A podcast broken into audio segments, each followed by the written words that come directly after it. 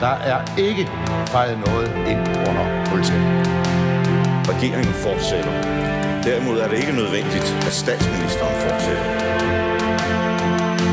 Der er ikke noget at komme efter. Per Helle, pas rigtig godt på dem. De er kun til lås. Fordi sådan er det jo. Ja, jeg kan bare sige, at der kommer en god løsning i morgen. Velkommen til Ministertid, programmet, hvor en forhenværende minister interviewer en anden forhenværende minister. Mit navn er Simon Emil Amitsbøl Bille. Jeg er tidligere økonomi- og indenrigsminister, men det skal ikke handle om mig. Det skal derimod handle om dig, Christian Friisbak. Velkommen til. Tak skal du have. Giver det stadig mening at have så høj en udviklingsbistand, som Danmark traditionelt har haft? Vores overførsler til resten af verden skal være endnu større, ja, men det skal måske ikke hedde udviklingsbistand. Christian Friis Bak, udviklingsminister 2011-13 i Helle Thornings SR-SF-regering. Lad os begynde med begyndelsen. Ved valget i 2011 mister de borgerlige magten efter 10 år med VK-regeringerne. Socialdemokraten Helle thorning Schmidt bliver Danmarks første kvindelige statsminister, og Radikale Venstre træder ind i den nye trepartiregering med et stærkt mandat i ryggen efter det bedste valgresultat i 38 år. Du er nyvalgt folketingsmedlem Christian Friisbak, og du bliver som en også ny dansk udviklingsminister. Hvordan foregik selve udnævnelsen til minister?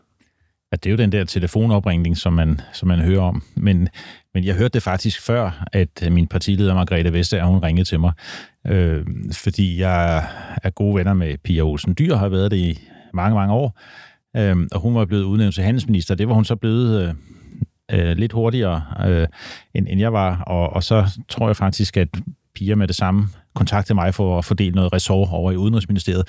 altså mellem de to ministerposter? ja, og hun havde, så, hun havde så fået at vide, at jeg var blevet, jeg skulle være udviklingsminister. Øh, og så derefter ringede øh, Margrethe Vestager. Ringede hun så til dig, eller hvad? Pia? Ja, Pia, jeg kan ikke huske, om hun skrev en sms, eller hun ringede, men i hvert fald så, så fik jeg det at vide, øh, før min partileder ringede. Hvad tænkte du så? Altså, var du sikker på at blive minister? Nej, overhovedet ikke. Jeg var sikker på, at jeg ikke blev minister. Og, og øh, øh, altså, der var så nogen, da vi fik at vide, hvordan, øh, hvilke ministerposter, hvem der havde fået hvad. Øh, det fik vi at vide, tror jeg, lørdagen eller fredagen eller lørdagen. Og før I vidste, hvem det skulle være? Ja, og der var en post som udviklingsminister, og der kan jeg huske, at Camilla Hersom, som var blevet valgt til Folketinget, hun kom hen til mig og sagde tillykke. Øh, så sagde, øh, øh, der, der var ligesom en forventning om, at det kunne være, at det var en af de poster, som jeg måske kunne bestride. Aha. Nej, jeg har ikke nogen forventning. Jeg havde faktisk en virksomhed, jo, som jeg var glad for. Jeg startede en virksomhed, og, og jeg havde sagt til min bestyrelse og mine investorer, at der er ikke nogen chance for, at jeg bliver minister. Jeg kan tage det helt roligt. Men så blev jeg minister, og så sagde statsministeriet, at jeg skulle sælge virksomheden inden for en måned. Øh, og det tabte jeg en hel del penge på, og det var lige begyndt at gå godt, og mine investorer var ikke helt tilfredse, men de har tilgivet mig. Det er altid noget. Hvad så, da Vestager ringer? Jamen, det var stille og roligt, og jeg har ikke stærke minder om det. Altså nok fordi Nej, jeg ligesom... Vidste det, det, det foregik lidt før, ikke? Men, men det var stille og roligt. Luffede du?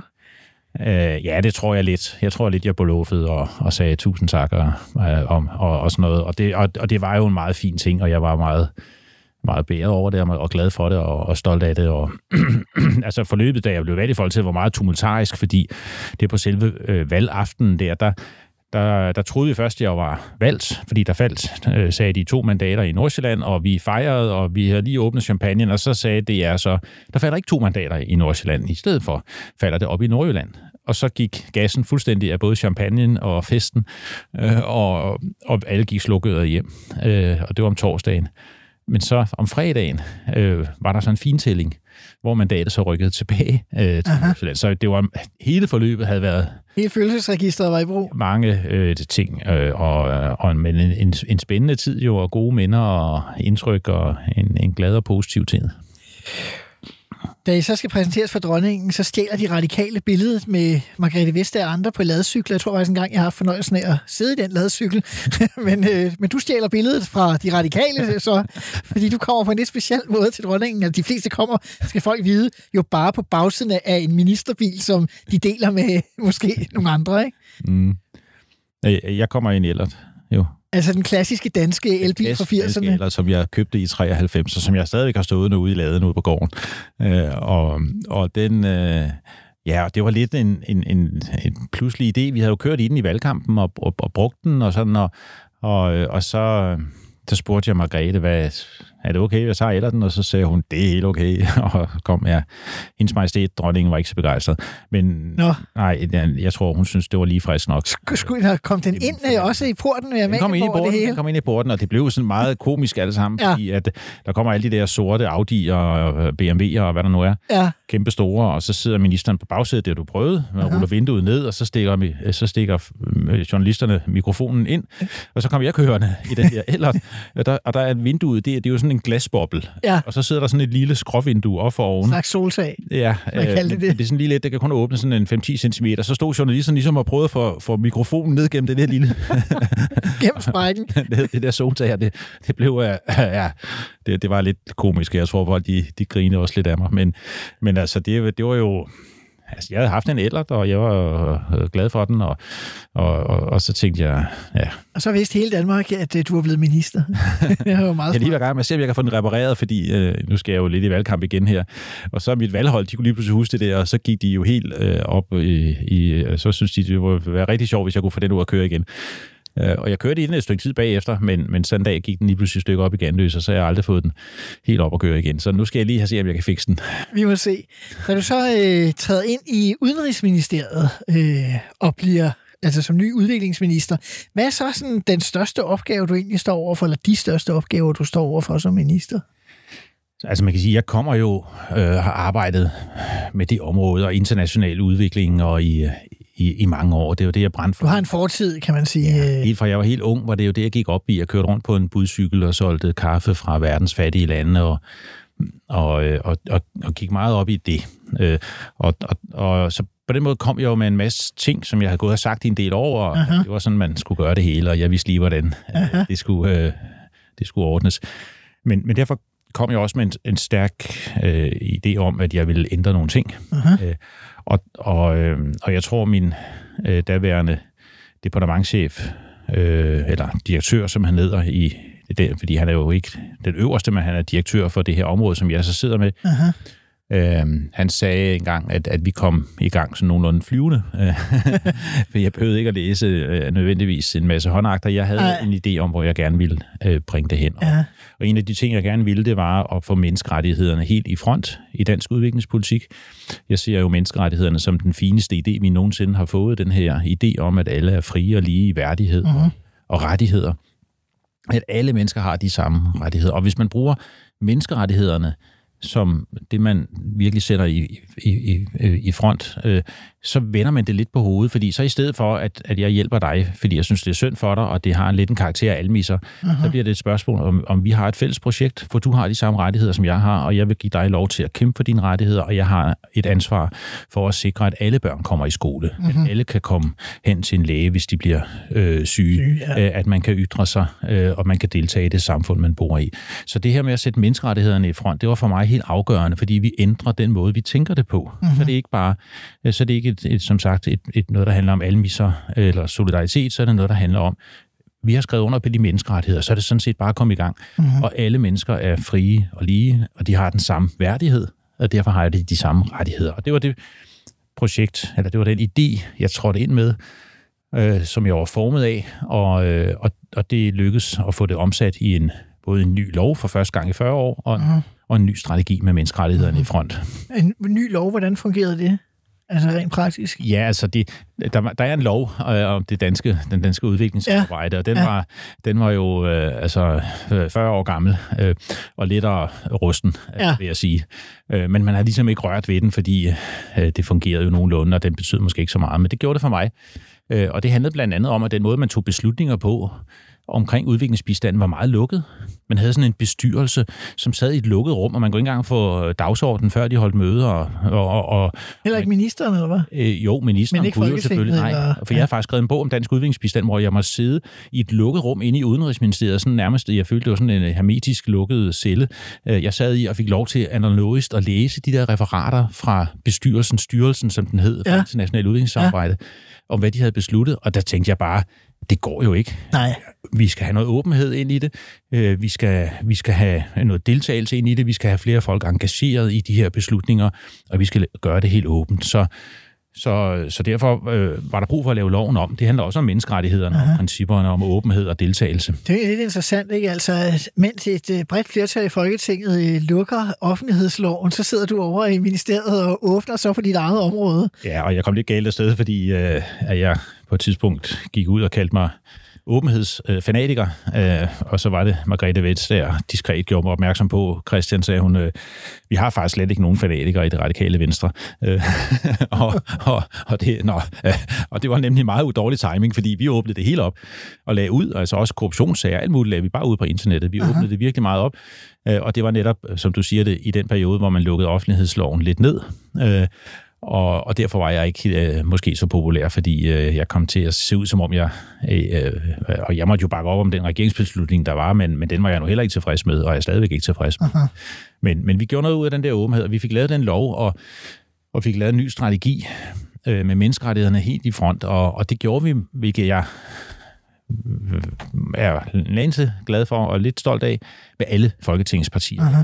Ja. Det, var, det var en god ting. Vi vender lige tilbage til den strategi øh, om lidt. Øh, det sidste sådan, øh, i det indledende, jeg bare lige vil spørge dig om, det, på det mere sådan, øh, administrative plan, hvis man kan kalde det det, det er, at du var jo minister, som du også selv øh, øh, ud med at fortælle om, i et ministerium, der havde flere ministre. Fire. Du havde, jeg skulle til at sige, det var jo ikke kun øh, Pia Olsen Dyr, du Du skulle... måtte Øh, bygge hele 6. sal om. altså den øverste etage i Udenrigsministeriet på Asiatisk Plads. Et kæmpe projekt, for der var slet ikke plads til alle de ministre. Hvordan fungerer det egentlig? Fungerede det i praksis? Øh, Gav det problemer, eller var det okay, at der var fire ministre i samme hus, Jeg synes faktisk, det fungerede godt. Altså, jeg sad der jo så sammen med Willy Søvndal, som jeg havde som var udenrigsminister? som udenrigsministeren, og ham havde jeg det jo rigtig øh, godt med. Og, og, og mens vores øh, f- folk nogle gange godt kunne toppes lidt om ressort, som man siger, altså hvem Ja. skal tage beslutninger om hvad og hvornår, øh, så gik jeg altid bare lige ned til, til Willy, og så tog vi en kop kaffe, og så var det ordnet, og så var den ikke længere. Og, og så havde jeg på den anden side af gangen, der havde jeg jo så Pia Olsen Dyr, som var handelsminister, Aha. øh, og, øh, og, og hun var en gammel ven, øh, og, og er det stadigvæk. Øh, og jeg har meget stor respekt for Pia. Jeg synes, hun er en rigtig øh, øh, god og ordentlig øh, politiker. Og vi fandt også ud af det. En gang imellem var vi lige inde og skubbe albuerne lidt mod hinanden. Ja. Men igen, vi rendte lige over på den anden side af gangen, og så ja. fandt vi ud af det. Og, øh, og så havde jeg jo Nick Hækkerup øh, i en periode der, i hvert fald ikke øh, Som som europaminister. europaminister. Ja. Øh, der var trængsel for gang. og han er, han er også en, en, en god ven og en, en god kollega. Så, så jeg synes faktisk, det gik over forventning, øh, at vi sad fire der. Det er også sjovt, du fortæller det med, at systemerne godt kunne have eller nogle øh, kampe, som politikere måske nogle gange tænker, "Nå, hvad pokker, ikke? Altså det tror jeg, de fleste ministre i virkeligheden at man pludselig får en eller anden sag ind på bordet, så er der en eller anden kamp med et eller andet andet ministerium, og man tænker, så man hører det, "Mm, er det vigtigt? Betyder det noget? Så de kæmpede den der. Jeg selv oplevet det, hvor at, at øh, økonomi- og Indenrigsministeriet åbenbart havde kæmpet en kamp i tre år mod Erhvervsministeriet, og det var bare, der var ingenting i det, så var sådan, okay, ja. øh, skulle vi måske bare lige tage op i et sommerhus og drikke nogle øl, og så finde ud af det. ja, Øh, men, men nej, men det er, det, er, det er du ret i. Altså nogle gange kan man kan ministerierne også, Øh, at de gør det jo, tror jeg, meget ofte af respekt for ministeren, og ministeren skal have sit ressort, og, men selvfølgelig er der jo også øh, magtkampe i, i det administrative, og at man vil gerne... Øh, øh, ja, så, men, men i hvert fald, det var, det var en god tid, og vi, øh, vi, vi fandt ud af det op på 6. sal, selvom vi alle sammen måtte have et vindue mere, mindre.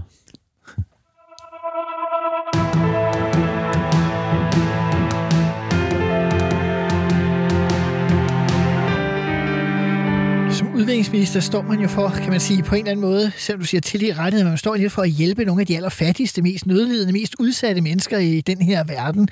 Øh, du laver den her øh, brede, politisk funderede øh, udviklingsstrategi, men alligevel, så nogle gange kan der også komme problemer mellem, kan man sige, idealerne, og så øh, sådan som det er øh, øh, ude i landene. Altså, tænker, der må være kæmpe dilemmaer, fordi man, det handler om diktaturer, korruption, tortur, der sker alt muligt i de der lande.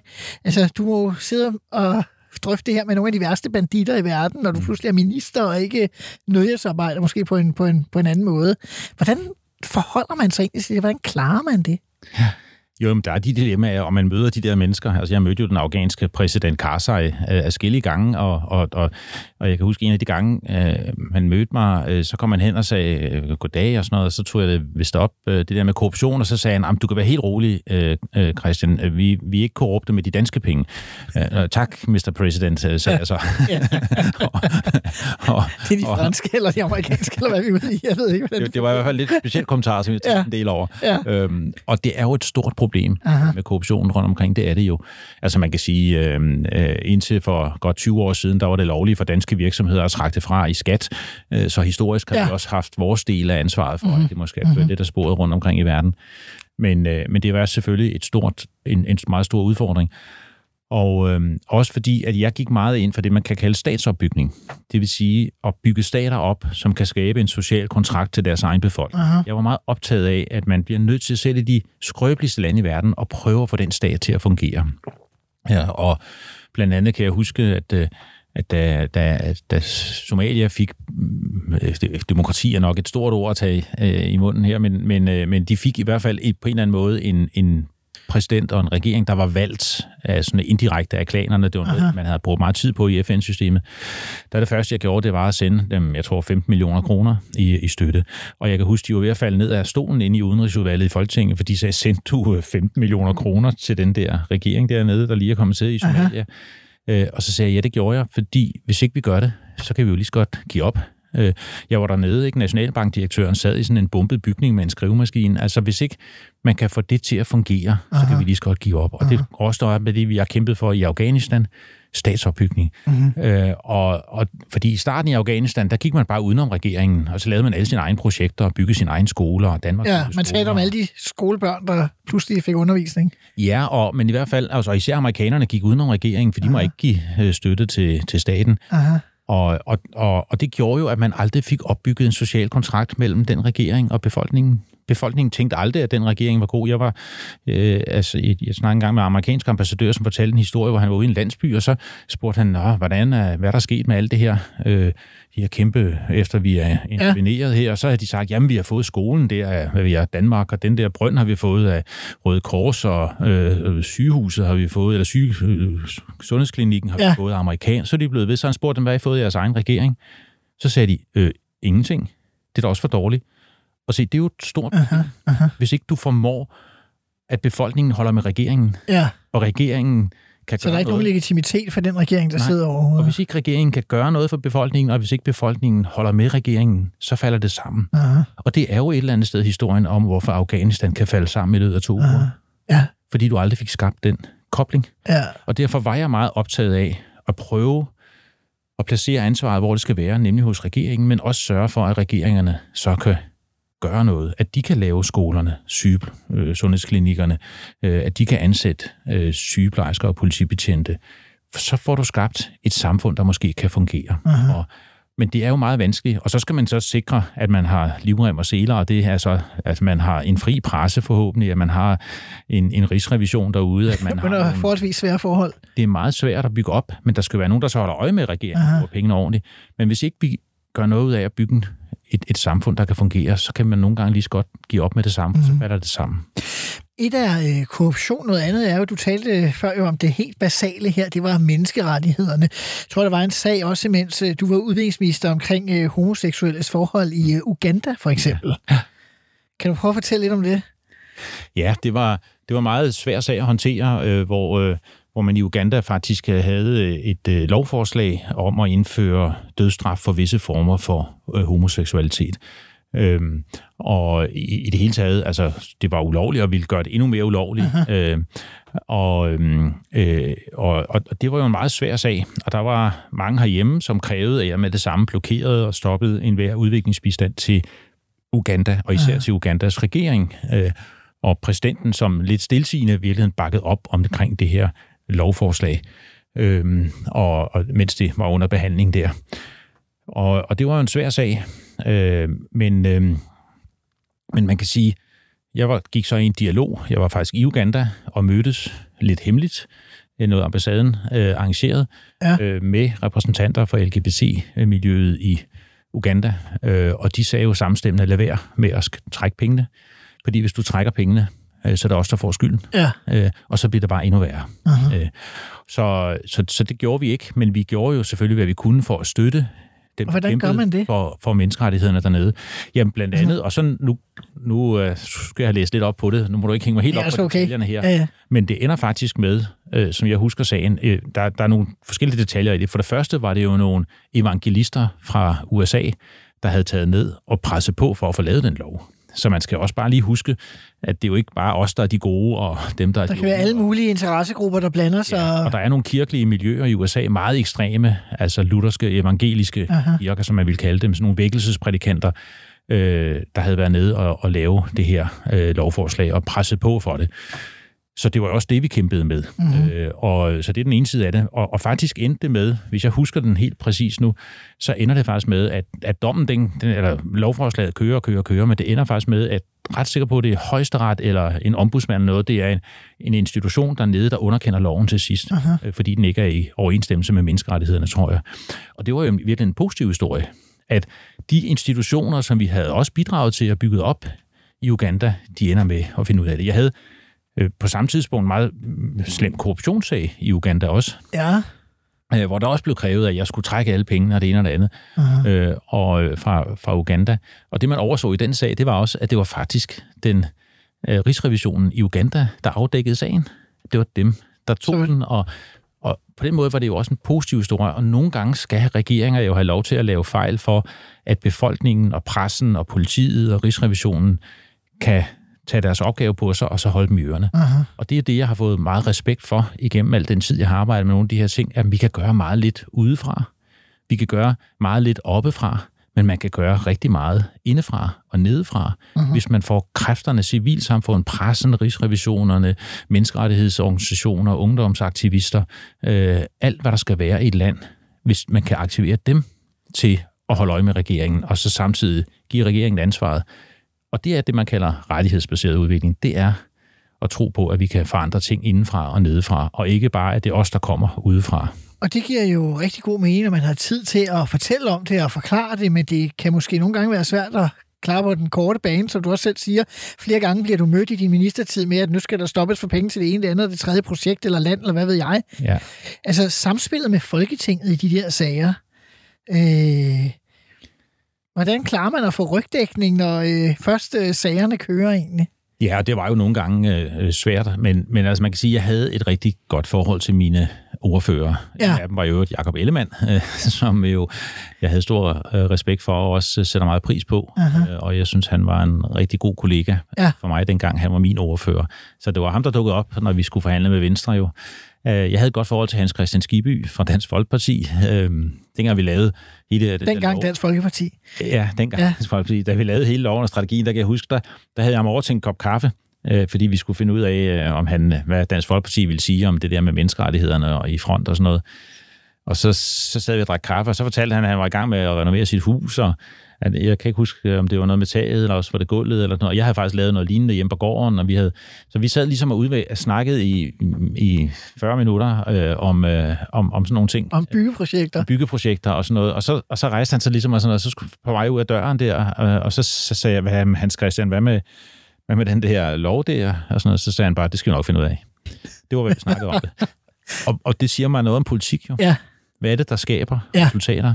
Det er gode relationer. Ja, man skal se efter, hvem der er venner med hvem, for at finde ud af, hvad der kan fungere også. jo, ikke? men, men det der med, altså han, han endte jo måske med at, at stole lidt på, at det der, det var nok okay. Øh, ikke fordi vi snakkede om sagen, men fordi, at vi som mennesker også lærte hinanden godt at kende. Ja. Og, og jeg havde også respekt for ham. Han var rap i replikken, og, og, og øh, med, eller hvad hedder han, han taler i hvert fald meget sådan nogle gange øh, Lige ud af posen. kontant, ikke? Ja. Men, men, men det var fint, og, men, men, men fordi vi satte os ned, og, og, og, og, og der var jo ikke, og det ved jeg, Jacob Ellemann efterfølgende har fortalt om, da vi lavede de der to resultater, som var de største forandringer i dansk udviklingsbistand i 40 år. Aha. Der var stort set ingen, der skrev om det, fordi vi blev ikke uvenner. Der var ingen, der skændtes. Øh, og, og, og vi blev enige om det hele, og vi forhandlede indtil vi var på plads. Øh, og, og jeg ved, at Jacob Ellemann, øh, i hvert fald nogle, nogle gange over på folkemødet, har fortalt om det som et godt eksempel på, altså at, øh, altså hvad er det, presse og politik gør? Øh, det samspil. Aha. Altså, det er ikke altid sundt, vel? Og faktisk skabes der jo rigtig mange gode resultater inde i Folketinget, stille og roligt, fordi folk de sætter sig ned og snakker om det og finder ud af, hvor det her land skal hen, og hvor verden skal hen. Og det var jo så det, vi prøvede. Aha. Øh, og, øhm, men det er ikke det, man får point for som politiker. Øh, og det er ikke det, man får synlighed ud af. Øh, man får synlighed ud af, når det går galt, når vi bliver uvenner. Konflikter, ja. Og, ja. Og, og det er jo lidt trist, og derfor oplever befolkningen måske det politiske univers som meget mere konfliktfyldt og, og, og, og, og tror, vi alle sammen er uvenner. Det, og, og som sagt, jeg forlod Folketinget med 178 gode venner. Øh, jeg havde ikke... Øh, men, men, men hvad hedder det? Man kan sige, de sidste 10 år har der måske også været mere enighed om strategien. Det kan være, det er dig, der har knæsat det. Øh, og det er egentlig også okay i årene op til, måske om alle partier ikke var med.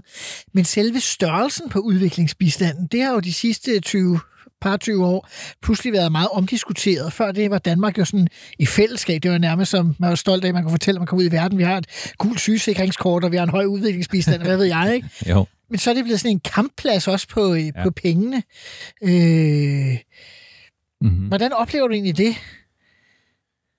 Jo, men det er jo så politik, kan man sige. Hvad vil vi bruge penge på? Vil vi bruge det på, øh, øh, på sygehuse og motorveje, eller vil vi bruge det på øh, øh, at bekæmpe grænseoverskridende sygdomsepidemier i Afrika? Og, så du tænker, det er bare en prioritering som alt andet? Det er jo en prioritering som alt andet. Øh, men, men, men jeg vil jo bare stilfærdigt øh, sige, at, at, øh, at, at verden bliver koblet mere og mere sammen, og, og vi øh, har brug for at løse problemerne i fællesskab. Og det vil altid være sådan, at der er nogle steder i verden, hvor det går lidt mere skidt end andre steder. Mm. Og mhm. derfor har vi brug for nogle globale udligningsmekanismer. Når jeg taler om, om udviklingsbistand i dag, så kalder jeg det ofte de globale bloktilskud eller sådan noget, fordi ja. der er jo ingen, der stiller spørgsmålstegn ved, om vi skal overføre nogle penge fra Hellerup til, til Frederikshavn eller til Jøring, eller hvor vi gør, øh, og Gentofte øh, til, til, til, til, til, til, til hvad hedder det, Lolland Falster. Vi har jo de her bloktilskud som en helt naturlig del af vores samfund, fordi vi tænker, de skal have nogenlunde lige så gode forhold øh, oppe i Nordjylland, hvor jeg nu øh, hører til, og øh, som de har i Nordsjælland. Og, og det er helt naturligt for os. Så vi har det samme i, i, i EU i dag. Der er jo store ja. interne udligningsmekanismer, og det skal vi selvfølgelig have i verden. Fordi hvis der er to store trusler, vi står overfor, så er det ulighed og klima. Altså global ulighed? Ja, global ulighed øh, og ulighed i lande. Øh, den globale ulighed og klimaforandringerne, det er de to største trusler, vi står overfor, og kombinationen af de to kan gøre verden meget, meget ustabil. Så der bliver brug for at overføre flere penge til der, hvor den økonomiske krise rammer værst, eller hvor klimaforandringerne øh, de øh, ødelægger livsgrundlaget for, for, for de mennesker, der bor der. Så vi får brug for meget større udligningsordninger i, i fremtiden.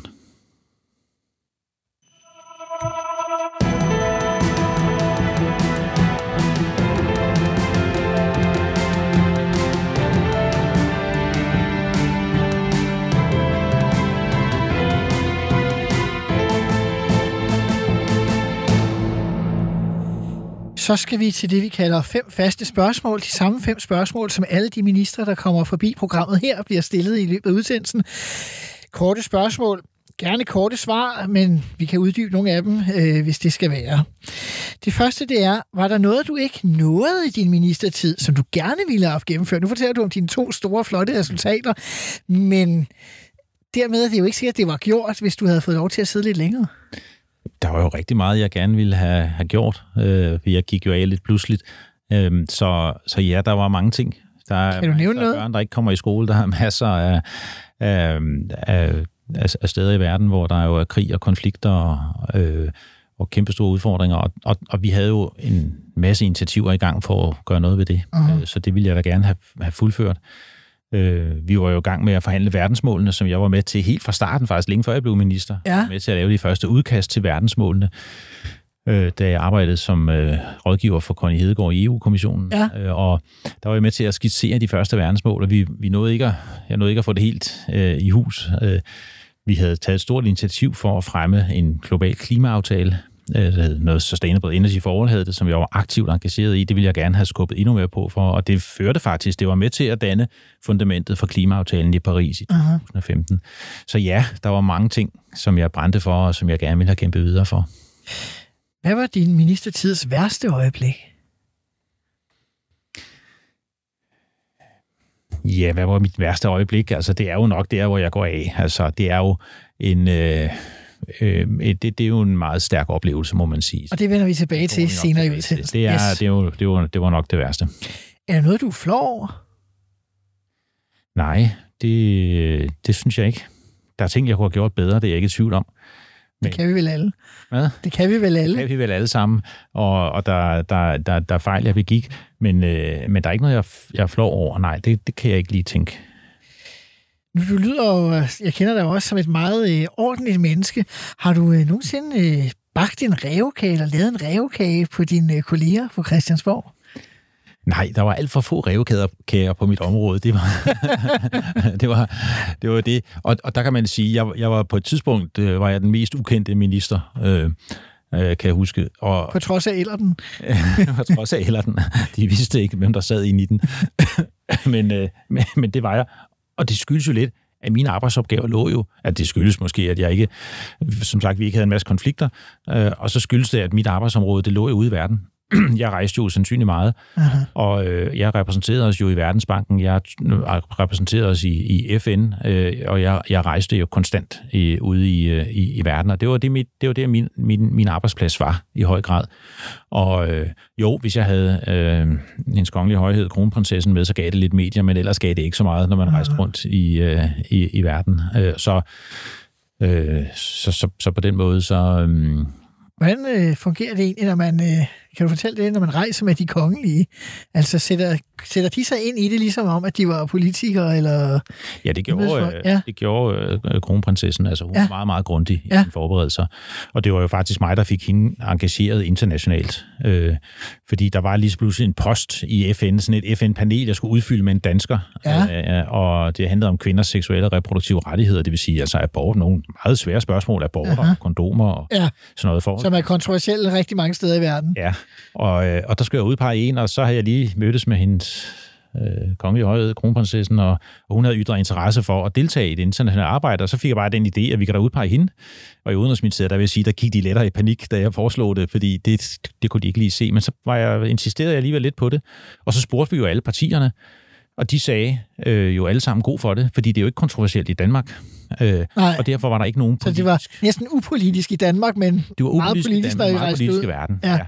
Og derfor og så, så blev øh, kronprinsessen udpeget til den post, og, og derfor rejste jeg jo også meget med hende i perioden, fordi hun repræsenterede det område, og der oplevede jeg hende som en meget grundigt og øh, øh, menneske, som, øh, som satte sig dybt ind i det. Aha.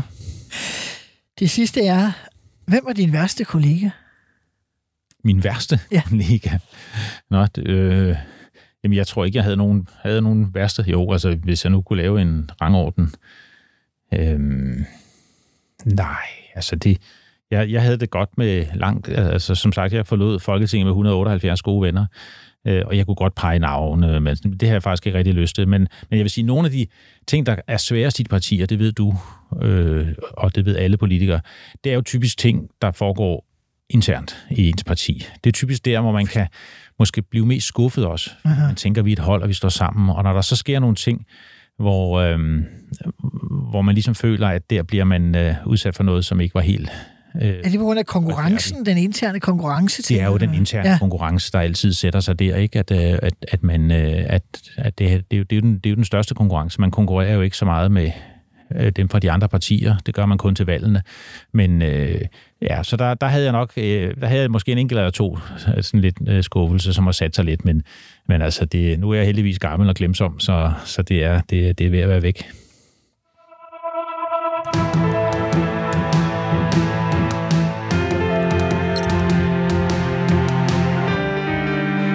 Vi skal til den sag, der afslutter din ministertid. GGGI-sagen, hvis man kan kalde det 3GI, eller hvordan man nu skal udtale det. Ja. Og spørgsmålet om Lars Lykkes øh, medlemskab af, eller formandskab, var det vist, eller hvad, i Ja, han var formand. ikke? Ja. Han var formand. Øh, kan du prøve at, at sætte scenen for den sag? Jamen, øh, Danmark havde været med til at lave den her organisation, Global Green Growth Institute, GGGI, en masse G og så I, øh, og øh, Sammen med Sydkorea og... sammen med Sydkorea i høj Primært, grad, ja. og så Etiopien, og der var andre lande, der kom med. Og der var så lavet en bestyrelse, der havde Danmark et bestyrelsespost, men så skulle der så findes en formand, og det var så en, der ikke sådan ligesom repræsenterede landet, men bare blev formand. Og det havde tidligere været en tidligere sydkoreansk præsident, og så kom turen lidt til Danmark, og så blev det Lars Løkke Rasmussen, fordi han var jo tidligere... For at være på samme niveau. For at være lidt på samme niveau. Så han var formand, og jeg sad i bestyrelsen. Så det var scenen. Og så øh, vil jeg sige, så rejste vi jo rigtig meget sammen der. Øh, jeg bragte, tilbragte en del timer sammen med Lars Lykke, og vi prøvede at få den organisation op at køre. Øh, og, og det var der en masse udfordringer i, og jeg blev hævet i samrådet den ene og den anden gang, fordi Aha. folk var utilfredse med den af gode grunde. Øh, der var store problemer. Øhm. Der var onde tunger frem om, at det var et projekt, Lars Lykke havde sat i søen for at have noget at beskæftige sig med, hvis han ikke blev statsminister igen. det skal jeg ikke spå om, men det gav god mening på mange måder, fordi øh, at, at det, der var opgaven for dem, var jo selvfølgelig at fremme grøn vækst og grøn omstilling, og det, der er brug for i rigtig mange lande, så det var ikke, fordi det var en dårlig idé. Øh, man, kan, man kan sige, at den måde, det blev skruet sammen på, var måske ikke det var noget, jeg overtog. Den var måske ikke helt ideel, men det var jo en arbejdsopgave, vi måtte prøve at se, om vi kunne få det til at køre. Uh-huh. Ja, og så sker der jo så bare det, at øh, at lige pludselig en lørdag er der en forside på Ekstrabladet, hvor det så bliver afsløret, at øh, Lars Lykke Rasmussen, når han rejste for den her organisation, så rejste han på første klasse. Ja, det var ikke bare en lørdag, det var faktisk lørdagen på Venstres øh, landsmøde, så det, det jeg har læst mig til. Nå, okay, ja. Det var i hvert fald... Jeg, jeg husker det bare som sådan en lørdag formiddag. Aha. Og, og, og det... Øh, de, man kan sige meget, øh, altså nu, det er jo ikke alle, der har helt styr på de der klasser på, på fly. Øh, vi kender øh, business, og vi kender øh, det, vi normalt øh, rejser på, almindelig economy. Økonomiklasse, Men første klasse, det, det, det er lige kanten over, øh, det vil sige. Det er jo... Springet øh, er større fra, en, fra en businessbillet til første klasse mellem de to andre, kan man ikke godt sige Jo, jo jeg det? tror, det er, der rykker vi ligesom op i en anden liga, ikke? Som, som, ikke, som du og jeg aldrig kommer ind i. Øh, og det synes danskerne jo ikke var en særlig god idé, og det synes Ekstrabladet så heller ikke. Uh. Øh, og, og det gav jo et ordentligt drøn. Og det første, jeg gør, det er jo at ringe ind til ministeriet og sige, vidste vi det? For jeg kunne jo ligesom godt se, ja. hvor det bærer hen af. Og så spurgte jeg, vidste vi det? Ja. Og, og så siger de, efter går der et par timer, tror jeg, så ringer de tilbage og siger, nej, øh, vi vidste ikke. Og vi har heller ikke godkendt det, og så siger jeg, I skal tjekke det 1000 procent. Øh, alt det her, det er faktisk øh, dokumenteret i et notat bagefter. Ja. Øh, I skal tjekke det 1000 procent, siger jeg. Og, og der går der så en uge med, hvor efter Udenrigsministeriet fredagen efter udsender en presmeddelelse. Selv, faktisk, jeg havde ikke engang godkendt den, fordi ja. de, de anså det som en administrativ opgave, da jeg nu ikke var involveret. Udsender de en presmeddelelse, hvor de gør opmærksom på, at øh, Danmark ikke, eller at vi ikke vidste det, og ikke havde godkendt det. Uh-huh. Øh, og så går der så en 4-5 uger. Der går noget tid, og Lars Lykke har sit berømte pressemøde på hvad, 3,5 time, hvor han ja. øh, gennemgår alle bilagene. ja, og han er virkelig presset ja. øh, i den periode, og jeg oplever også en noget presset Lars Lykke indimellem øh, på sms og i telefon. Øhm, og, og han gik jo fra, at Venstre stod til i meningsmålingerne nærmest, og fra øh, få 40, om ikke 40 stemmerne så tæt på, til øh, at det blev rigtig hårdt. Ikke? Det blev hårdt, og det var jo kommunalvalgkampen. Ja, ja der i efteråret. Øh, og, øh, så det var i kommunalvalget, og, og, og han stod selvfølgelig skidt, og han stod helt alene der øh, med sin første klasse, fordi uh-huh. vi ligesom bare tog afstand fra det og sagde, ja. det har ikke noget med os at gøre. Ja. Og så tager jeg til Palæstina Gaza der ja. øh, med kommunalvalget, ja. og øh, i de dage, og øh, er i Gaza. Faktisk har lige været inde og besøge en handelsskole. Rigtig opmuntrende besøg, hvor de der er ikke så mange ting, man kan eksportere fra Gaza, fordi det jo ligesom er meget blokeret, men de havde så rigtig meget IT, så de var virkelig begyndt at have det. Det kan man jo eksportere på et kabel. Så, og det var meget opmuntrende at se den gejst, der var derinde, at ja. de havde fået gang i lidt virksomhed og aktiviteter. Og så kommer jeg ud, og så er der en telefonsamtale til mig, og den er så vigtig for at vide, og så tager jeg den, og det er så min direktør, øh, som ringer og fortæller mig, at øh, øh, jeg havde faktisk øh, godkendt det. Øh, og, øh, så ikke alene havde de vidst det, men du havde faktisk i princippet også vidst det? nej, jeg havde ikke vidst det, men jeg havde godkendt det. Øh, yes. og, og, øh, og, og det var dagen efter kommunalvalget. Hvordan havde du godkendt det?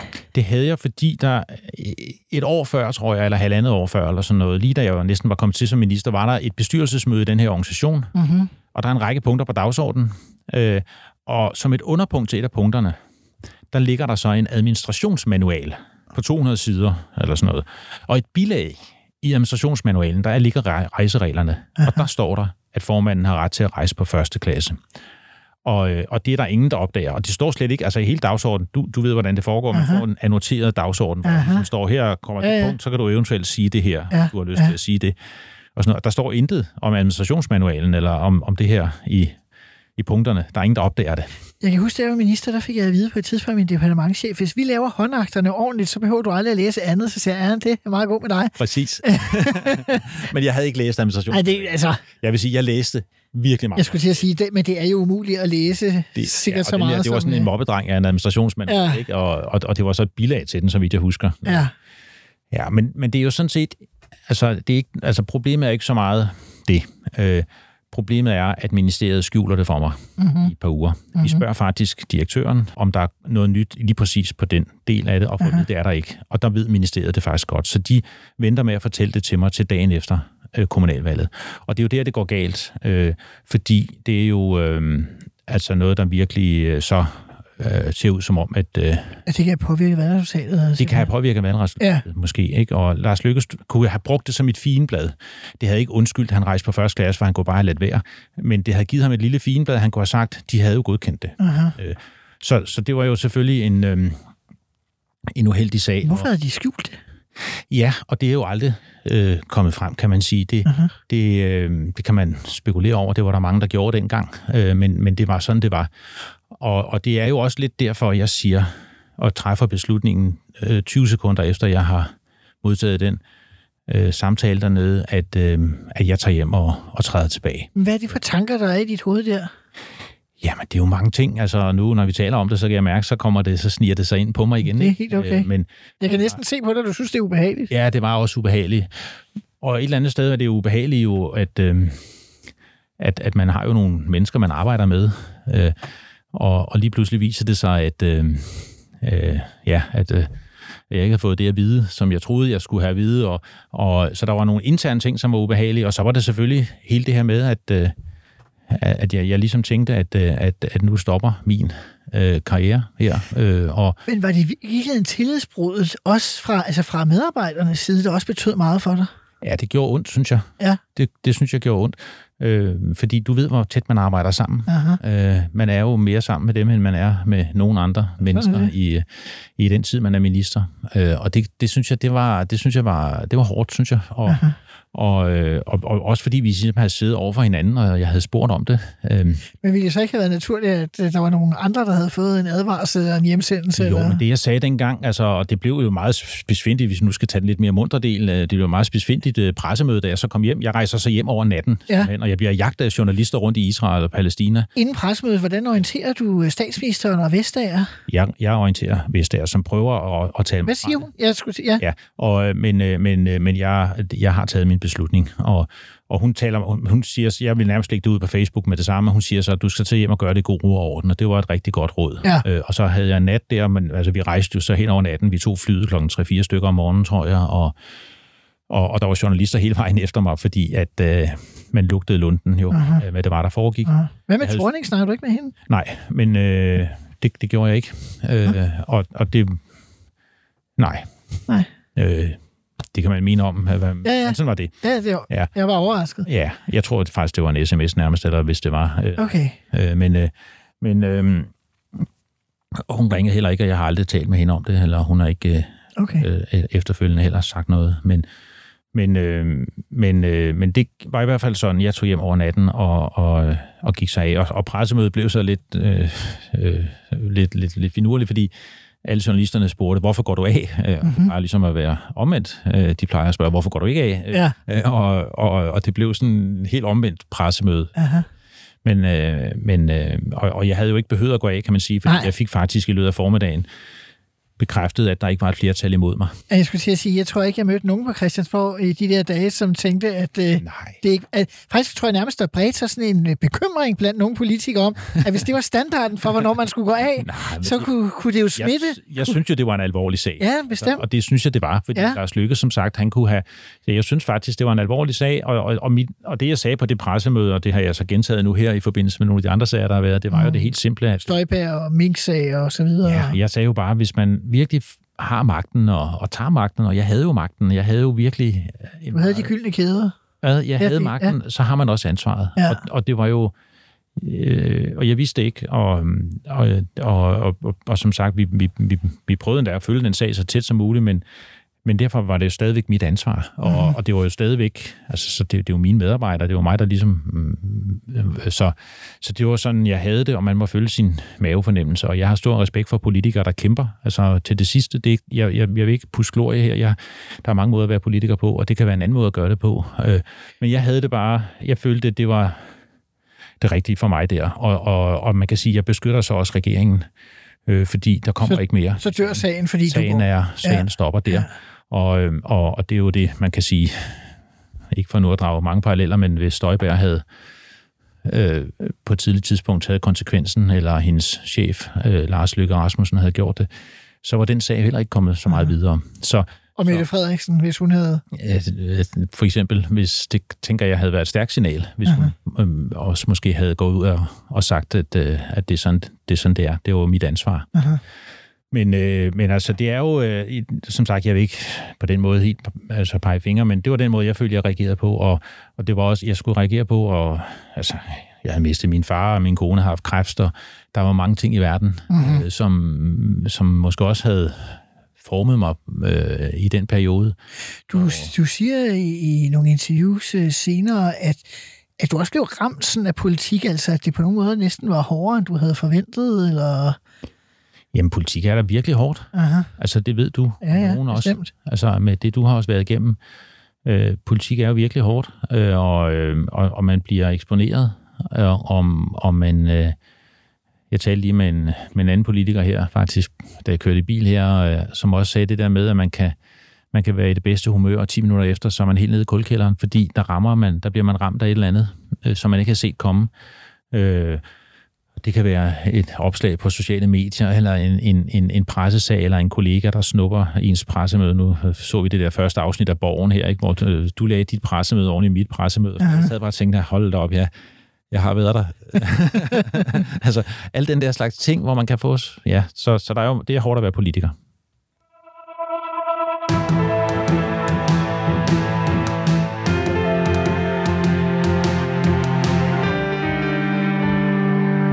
Christian Friis Bak, du har for nylig givet et interview, hvor du siger, at man kunne overveje at nedlægge posten som udviklingsminister. Det bliver jeg jo nødt til at spørge dig om, øh, nu vi har en øh, hel øh, times udsendelse om din tid som udviklingsminister. Du lyder ellers som, at du var forholdsvis begejstret for det og leveret nogle gode resultater. Så hvad ligger der bag de overvejelser? Jo, men det, altså, det, er, en, det er en langsigtet vision, øh, men, men der ligger det i det, at vi jo heller ikke har sådan en bloktilskudsminister Jo, vi har en økonomi- og indrigsminister, det er du prøvet, som var ansvarlig blandt andet for fordelingen i Danmark. Ja, det kan jeg give masser af slagsmål, skal jeg kunne vide. Masser af slagsmål om det, men, øh, men, men bare for at sige, at det er jo lidt en kunstig ting, at vi ligesom har placeret et ministerium der. Jeg så jo meget hellere, at vi i gamle dage, der kaldte jeg det, at vi skulle globalisere centraladministrationen. Det er sådan meget teknisk udtryk, men, men det betyder bare, at jeg synes jo, det skal være sundhedsministeren, som tager sig af sundhed i Danmark, i EU og også i verden. Det skal være transportministeren, der sørger for, at øh, bilerne kan komme frem, og, og pakkeposten den kommer ud, øh, både i, i Danmark og i Europa øh, og i Afghanistan. Øh, at, at det skal øh, være uddannelsesministeren, der engagerer sig i at få alle børn i skole, ikke bare i Danmark, men også i verden.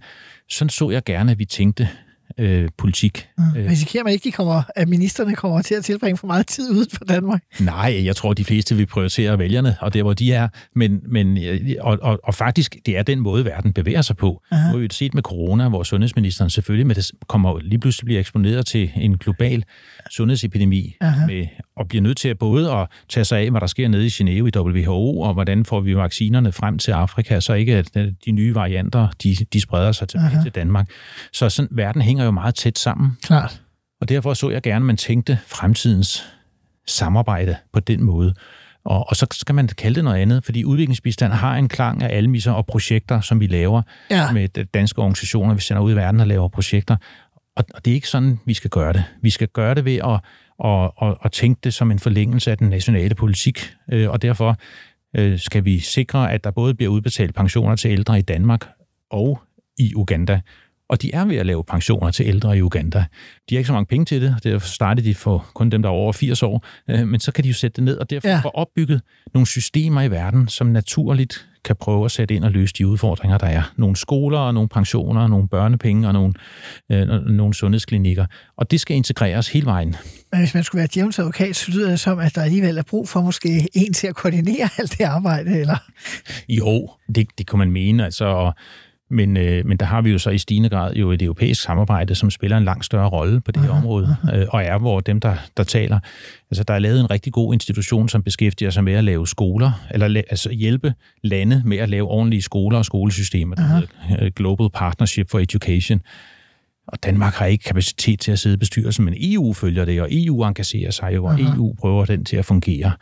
Og det må man bare sige, det er jo også den verden, vi lever i, at vi er et lille land, øh, og derfor kunne vi måske gøre det bedre, hvis vi satsede på at gå sammen, også i EU, omkring de her ting, og at vi så, som sagt, i stigende grad lagde projekterne lidt på hylden, den her projekt TITIS, som der har ligget i den her verden, øh, og så prøvede at opbygge strukturer og samfund, uh-huh. som selv kunne løse udfordringerne. Og altså netop med Så pensioner. projektmageriet stopper, og man prøver i virkeligheden at skabe mere stabile fundamenter over... Øh, nogle under- samfund, ja. som kan løse problemerne selv, med nogle borgere, der kan kæmpe for deres rettigheder, og nogle regeringer, som kan levere skoler og sygehuse og, og, og pensioner og børnepenge. Øh, Og det er jo sådan, vi gerne ser vores samfund udvikle sig, og det er jo det spejl, vi skal vende ud mod verden. Øh, Og der har vi rigtig meget at byde på, så det betyder ikke et mindre engagement, det betyder et større engagement, det betyder ikke færre penge, det betyder flere penge. Øh, Men, men det er bare en anden måde at tænke det på. I stedet for, at det bliver sådan lidt en silo, uh-huh. så få det som en integreret del af det, vi laver øh, i, på alle Og når du binder det sammen med flygtningestrømme og klima, så er det jo i virkeligheden også en sikkerhedspolitisk betragtning i det store billede. Så verden hænger meget tæt sammen. Ja, Ja, det gør den bare, og, og det synes jeg, det er sådan en måde, vi skal tænke det på. jeg kan ikke være med at spørge, du øh, sagde øh, lige før, at øh, du havde været der om politik, og nu har du så et ønske om at være der igen, for du stiller op til Folketinget, og hvis vælgerne vil, øh, så kommer du tilbage til Christiansborg. Og øh, man kan jo ikke afvise, at det så ender med, at øh, dit parti, Radikal Venstre, kommer i regering igen. Og så kunne det jo være, at Sofie Carsten Nielsen, hun øh, ringer efter, du har fået en sms fra Pia Olsen Dyr, og, og siger, Ja. øh, Ja. hvad, kunne du ikke tænke dig øh, at, at blive minister igen? Jeg tror, begge dele er ret usandsynlige, og jeg vil sige, jeg vil tænke over det. Ja. Øh, Så du vil ikke afvise det? nej, det er jo, jeg havde jo, det var jo det er meget fint, og du kender det. Man kan mange ting, og hvis man gerne vil lave verden om og lave den lidt bedre, så er der nogle, øh, en, en mulighed. Øhm, men i dag er jeg et andet sted, også i mit, mit, mit liv måske. Jeg har en virksomhed, øh, Warfare, hvor vi importerer varer fra Jeg skal jo så til at lukke endnu en virksomhed. og, og Yemen, og ja, og den har jeg rigtig god fornøjelse af. Jeg er meget glad for min virksomhed, og det jeg laver, og jeg har øh, et landbrug og nogle køer, og, øhm, og så, så jeg har også sagt til min kreds, at det vil jeg gerne bevare, men jeg vil kæmpe for de ting, jeg brænder for, og det kan man i politik. Øh, og så var mit parti jo i en krise, og jeg har været med, siden jeg var 16 år, og så sagde jeg, jamen, så stiller jeg op igen. Øh, så, så på den måde har jeg det lidt. Jeg har jo opdraget min bedstemor og mormor fra Nordjylland med, at har man, hvad- hvordan er det nu, har, øh, har man, øh, Den, den har, øh, har man evnen, evnen, har, har man pligten, evnen, ikke? har man Er det pligten. sådan? Ja. Nå, kan jeg ikke engang huske det. Nej, nej. Har man evnen, har man pligten. Det var altid det, er min, det er altid gået. Jeg ved ikke, om jeg har evnen, men, men jeg har noget, jeg brænder for. Ja. Og man kan mange ting i politik, så ja, nu prøver jeg. Jeg synes jo bare, det sjove er, at de sidste 20 år, øh, hvis du bliver spurgt igen, så har man så talt om dig som minister, fordi øh, hvis man snakker om det nu, og du blev det for 10 år siden, og tilbage i 2000, da Anita Bayer Bundegård blev udviklingsminister, der sad jeg i det radikale Venstres forretningsudvalg, og der var der stor vrede over, at Marianne Hjelved ikke havde udpeget dig. Nå, øh, i, i partiorganisationen dengang. ah, hun gjorde det godt. Jeg sagde, det var ingen kritik af Anita, det var jo på udnævnelsesdagen, Ja, ja. at øh, folk tænkte, hvem, er, hvem var det lige hun var? Ja. Men øh, de vidste jo, at du øh, beskæftigede dig med udvikling, og sådan er, er det jo så sjovt. Ja, men øh, hun gjorde det godt, og jeg, jeg tænker, der skal nogle andre til ud. Jeg, jeg har jo også, og som sagt, jeg, jeg vil jo gerne have leve den her vision med, at man kan tænke det helt herhjemmefra. At, at kommunerne øh, og, Aha. og regionerne og staten engagerer sig også i, i det internationale, og på den måde er der mange måder at engagere sig på. Christian Friis Bak, tak fordi du kom forbi og besøgte Ministertid. Det var en fornøjelse. Det var det bestemt. Du har lyttet til Ministertid her på 24.7. Mit navn er Simon Emil Amitsbøl Bille, og jeg er tilbage igen i næste uge med endnu et afsnit og endnu en forhenværende minister. Husk, du kan lytte til alle de tidligere afsnit af Ministertid på 24-7-appen, eller hvor du plejer at høre podcast. Tak for i dag, og på genhør.